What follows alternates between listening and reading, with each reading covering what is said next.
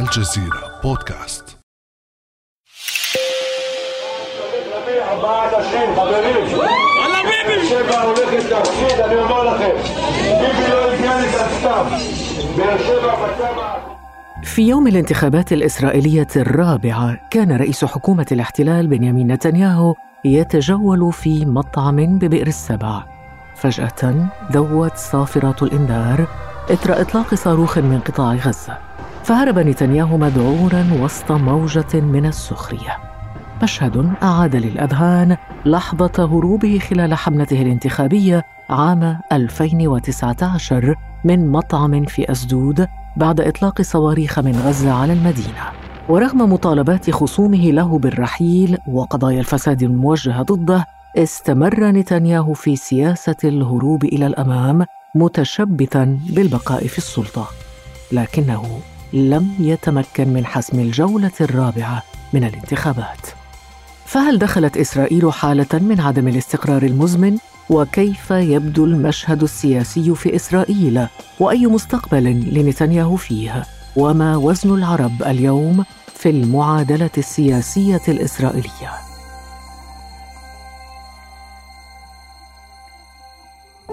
بعد أمس من الجزيرة بودكاست أنا خديجة بن جنة.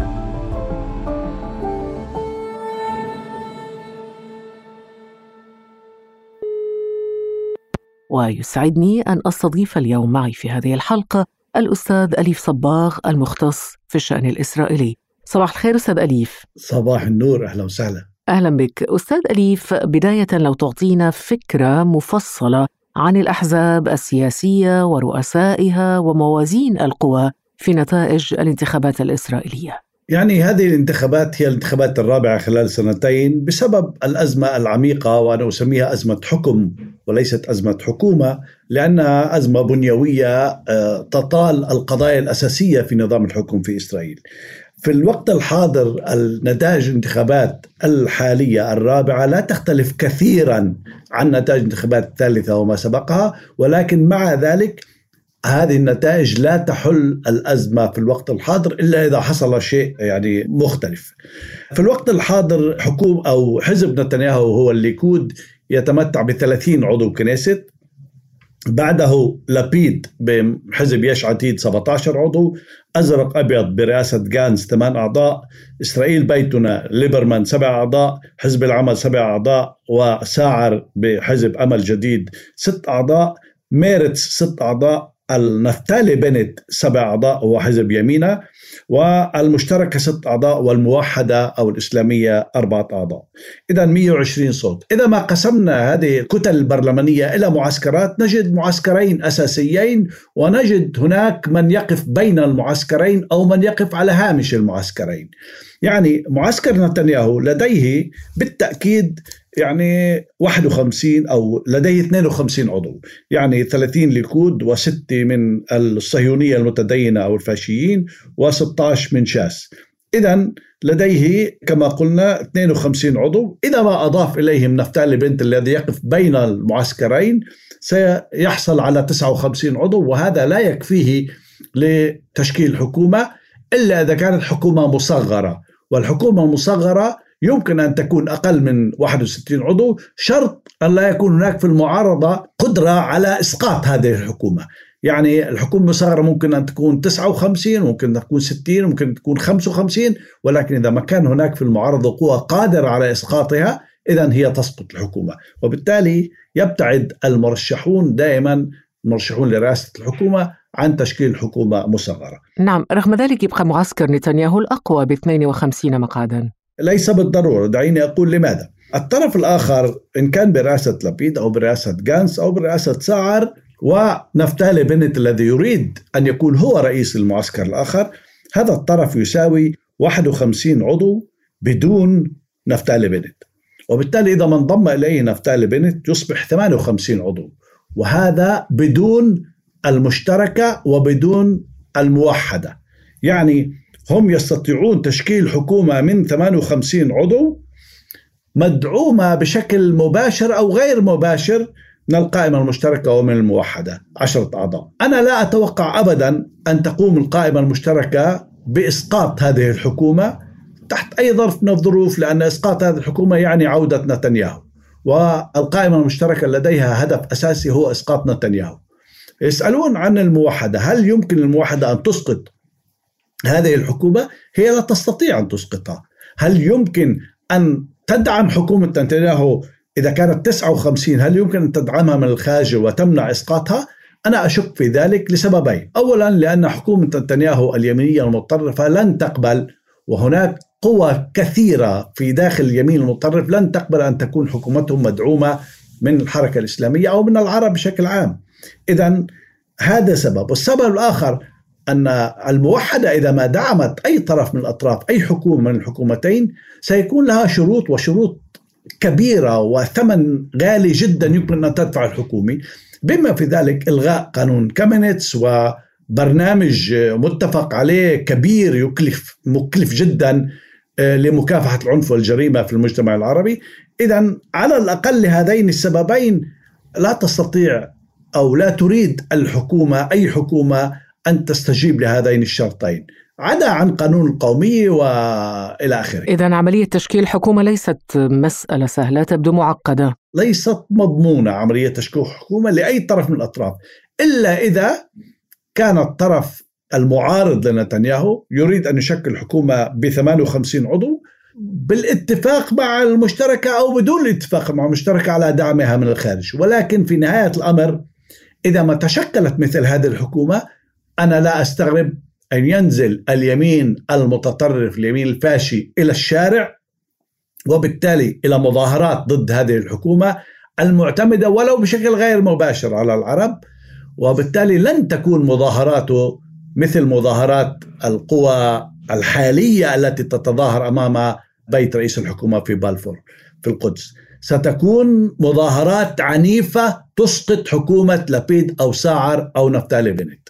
أفهم من كلامك أستاذ أليف أن نتنياهو ما زال قويا يعني لا نتصور تشكيل حكومة بدون نتنياهو. نعم نتنياهو ما زال قويا للأسف وهو يحظى بأكبر شعبية لأي قيادة سياسية في إسرائيل. ويضع كل القيادات العسكرية جانبا ويحظى بشعبييه من قوى أحيانا تعمل ضد نفسها. يعني الطبقات المسحوقة تتضرر اقتصاديا من سياسة نتنياهو الاقتصادية ومع ذلك هي تؤيد نتنياهو. إن كان من اليهود المغاربة أو من الطبقة الوسطى أو من اليهود المتدينين الحارديم على المستوى الفردي يتأثرون اقتصاديا بشكل سلبي من سياسة نتنياهو الاقتصادية. ولكن على الصعيد الطائفة الدينية للحرديم كانوا شرقيين أو غربيين يأخذون من حكومة نتنياهو ميزانيات كبيرة لمدارسهم الدينية وبالتالي هم يؤيدونه.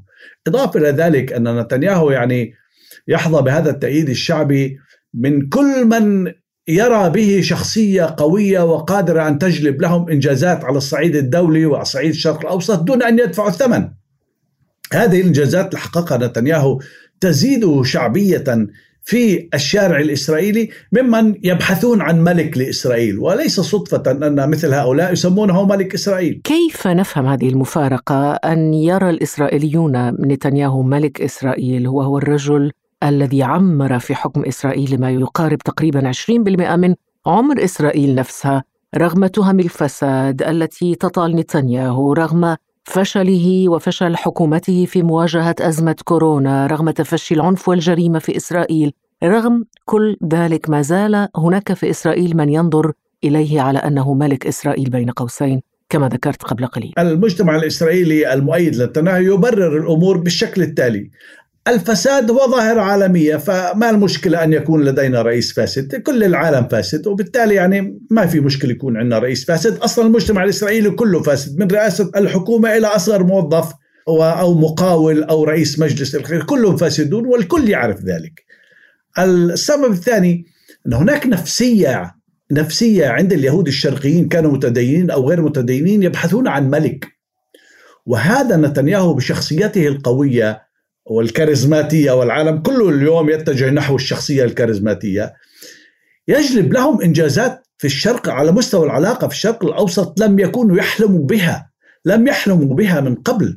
هذه الاتفاقيات التطبيع أو التحالفات الأمنية ووضع إسرائيل في وضع أمني ممتاز هذا الأمر لم يحلموا به سابقا وبالتالي يرون به الشخصية القادرة على المناورة، الشخصية القادرة على الخداع، الشخصية القادرة على إقامة علاقات مع أكبر رؤساء دول في العالم وفي الوقت نفسه أن يجلب لهم سلاما بدون ثمن. كل هذا يجعل الإسرائيلي الضعيف متمسك بنتنياهو. أستاذ أليف كيف يتم تكليف المرشح بتشكيل الحكومة؟ يعني هناك آلية وقانون لكيفية تكليف رئيس الدولة لأحد المرشحين. أولا يتم تقديم توصيات والأسبوع القادم ستبدأ الأحزاب بزيارة رئيس الدولة من أجل تقديم التوصية على أي من أعضاء الكنيست ليكون مرشحا لرئاسة الحكومة أو ليكون مكلفا برئاسة الحكومة. هذا يتطلب رئيس الدولة في نهاية الأمر يكلف أحد المرشحين ولكن ليس بالضرورة من أوصي به بأكبر عدد من أعضاء الكنيست هو أن يكون مكلفا. يعني يمكن أن يوصوا أعضاء الكنيست ببنيامين نتنياهو ب 56 عضو ويوصوا بمرشح آخر ب 50 عضو. وإذا ما رأى رئيس الدولة أن المرشح الآخر الذي حظي بأقل توصيات لديه إمكانية أن يشكل حكومة وليس لدى الطرف الآخر إمكانية تشكيل حكومة فلديه الصلاحية أن يعطي من أوصي به أقل ولكن لديه القدرة على تشكيل حكومة. وهذا أمر مهم. يعطى المكلف مدة 28 يوم لتشكيل الحكومة وإذا لم يستطع يعطى تمديد لمدة 14 يوم. وإذا لم يستطع يعطى الفرصة للطرف الآخر للمرشح الآخر أن يشكل حكومة وإذا لم يستطع بنفس الشروط طبعا ولديه تمديد يعلن رئيس الدولة عن انتخابات جديدة.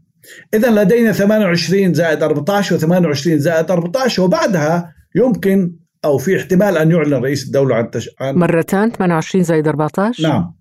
يعطى المكلف الأول 28 زائد 14 والمكلف الثاني 28 زائد 14 في حال فشل المكلف بتشكيل الحكومة هل يكلف شخصا آخر لنفس الفترة؟ في حال فشل المكلفان يعلن عن انتخابات جديدة وهذا الأرجح برأيك؟ هذا يرتبط في التطورات يعني في المرة السابقة لم يتوقع أحد أن ينضم بيني جانس إلى يشق حزبه وينضم إلى حكومة نتنياهو ولكن هذا ما حصل لم يتوقع أحد أن حزب العمل ينسع يعني ينتقل إلى الطرف الآخر إلى الطرف نتنياهو مقابل وعود صغيرة ووزراء. اذا كل الاحتمالات واردة. الآن يعمل نتنياهو على جذب ساعر من جديد إلى حكومته أو يشق حزب ساعر ليأخذ ولو عضوين إلى حكومته حتى يصير 61 مع نفتالي بنت.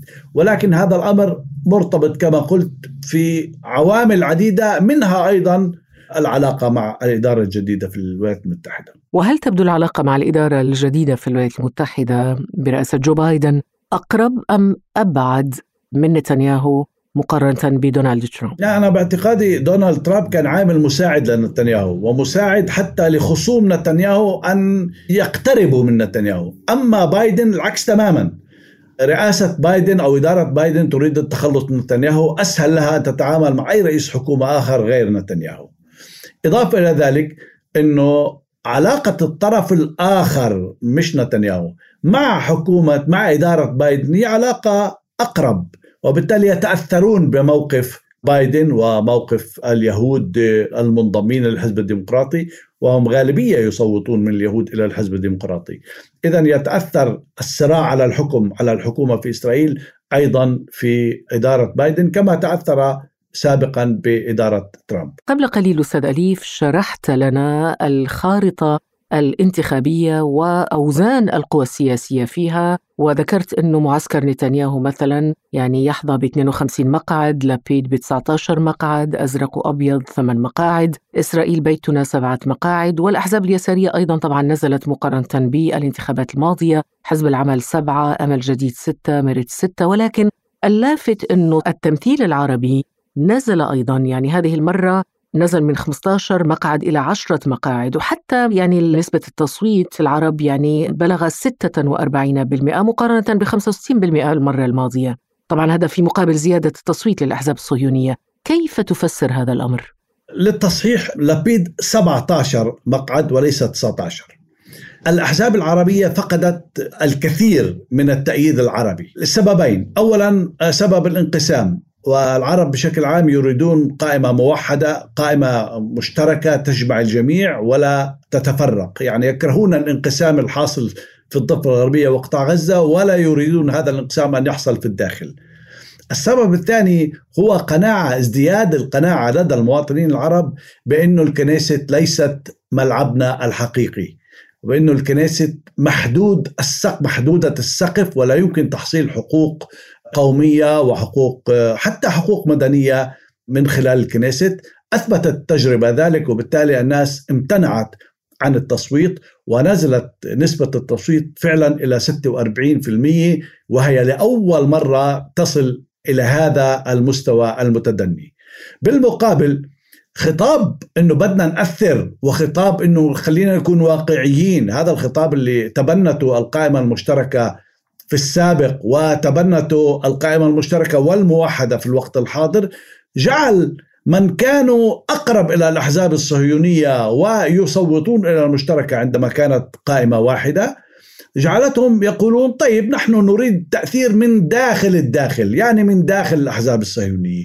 وفعلا زاد الانضمام للأحزاب الصهيونية، زاد عدد المرشحين العرب في الأحزاب الصهيونية، وزاد اهتمام الأحزاب الصهيونية بجذب الأصوات العربية ووصل نسبة التصويت إلى الأحزاب الصهيونية إلى مستوى لم نعرفه خلال 20 سنة السابقة. 110 ألاف صوت يعني ثلاث أعضاء كنيست صوتوا إلى الأحزاب الصهيونية إلى الليكود وإلى ميرتس وإلى كحول لافان. كل الأحزاب الصهيونية أخذت من العرب. إذا هذه ظاهرة لا أقول جديدة ولكن في العشرين سنة الأخيرة هي جديدة وتشير إلى تزايد نفوذ الأحزاب الصهيونية في المجتمع العربي. في مقابل انقسام العرب. في مقابل انقسام العرب. وإذا راجعنا الرسم البياني في العشرين سنة السابقة نجد كلما انقسم العرب مرة زاد النفوذ الأحزاب الصهيونية في المجتمع العربي وامتنع المصوتون عن التصويت أكثر وأكثر. ما هو سبب انقسام العرب في الداخل إلى قائمتين برأيك؟ الأمر يعني لدينا ما هو في الظاهر ولدينا ما هو في الباطن.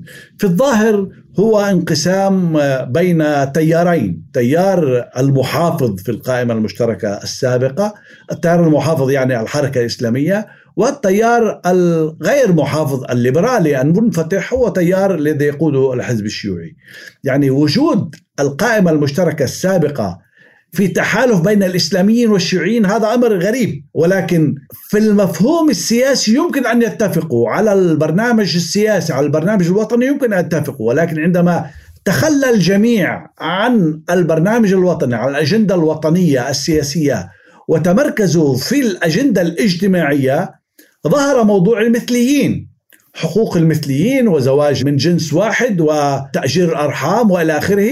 كل هذا جعل هناك يعني موقفين مختلفين. موقف الإسلامية أو الموحدة يتناقض تماما مع موقف الحزب الشيوعي. فبالتالي من يؤيد مثل هذه القوانين وهناك من يرفض مثل هذه القوانين وهنا وقع الخلاف في الظاهر. إضافة إلى الخلاف الأيديولوجي بين الإسلام والشيوعي. طبعا ولكن هناك أسباب لا نراها. هي مصادر التمويل من الخارج والتأثير الخارجي على مواقف هذه الأحزاب، يعني هناك ارتباطات لا نستطيع التحدث عنها كثيرا ولكن هناك ارتباطات مختلفة مع الخارج الخارج دول عربية؟ يعني في خارج عربي وفي خارج أمريكي بشكل عام الآن أستاذ أليف هل تتجه إسرائيل إلى حالة عدم الاستقرار المزمن؟ ماذا ننتظر؟ ما المتوقع الآن؟ أن تذهب الأمور إلى انتخابات خامسة الصيف المقبل. كيف يبدو لك المشهد؟ إسرائيل أمام خيارات صعبة. إن حدثت انتخابات خامسة أو لم تحدث انتخابات خامسة أمام خيارات صعبة. نتنياهو يريد السيطرة وتعزيز حكم الفرد وتعزيز موقع رئيس الحكومة في أي حكومة قادمة وبالذات تعزيز موقعه حتى يتخلص من المحاكم وتهم الفساد. وأكثر من ذلك يعني أعمق من ذلك هي ليست قضية شخصية فقط. بالطرف الآخر لا يستطيعون تشكيل الحكومة خوفا من نزول القوى اليمينية الفاشية إلى الشارع. لا يستطيعون تشكيل الحكومة بالاعتماد على العرب خوفا من نزول الطرف الآخر أو اليمين الفاشي إلى الشارع وهذا يشكل خطر عليهم جميعا. إذا أمام خيارات صعبة في كل الحالات وبالتالي يعني هذه الخيارات الصعبة تفرض نفسها على موازين القوى. التخلص من بنيامين نتنياهو من خلال المحكمة إذا ما تقدمت لوائح لوائح الاتهام قدمت. ولكن إذا ما تقدمت المحكمة وأصبح بنيامين نتنياهو خارج اللعبة السياسية عندها سيكون هناك اتفاق بين القوى السياسية الصهيونية. العرب سيكونون خارج اللعبة في كل الحالات وستكون حكومة مستقرة.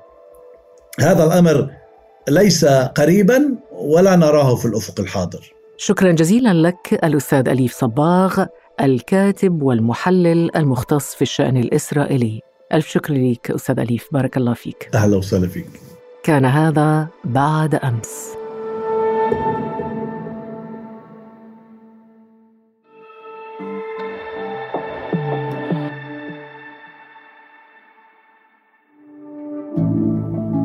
على تواصل مستمر مع الجزيرة بودكاست ولا تنسى تفعيل زر الاشتراك الموجود في تطبيقك لتصلك الحلقات يومياً.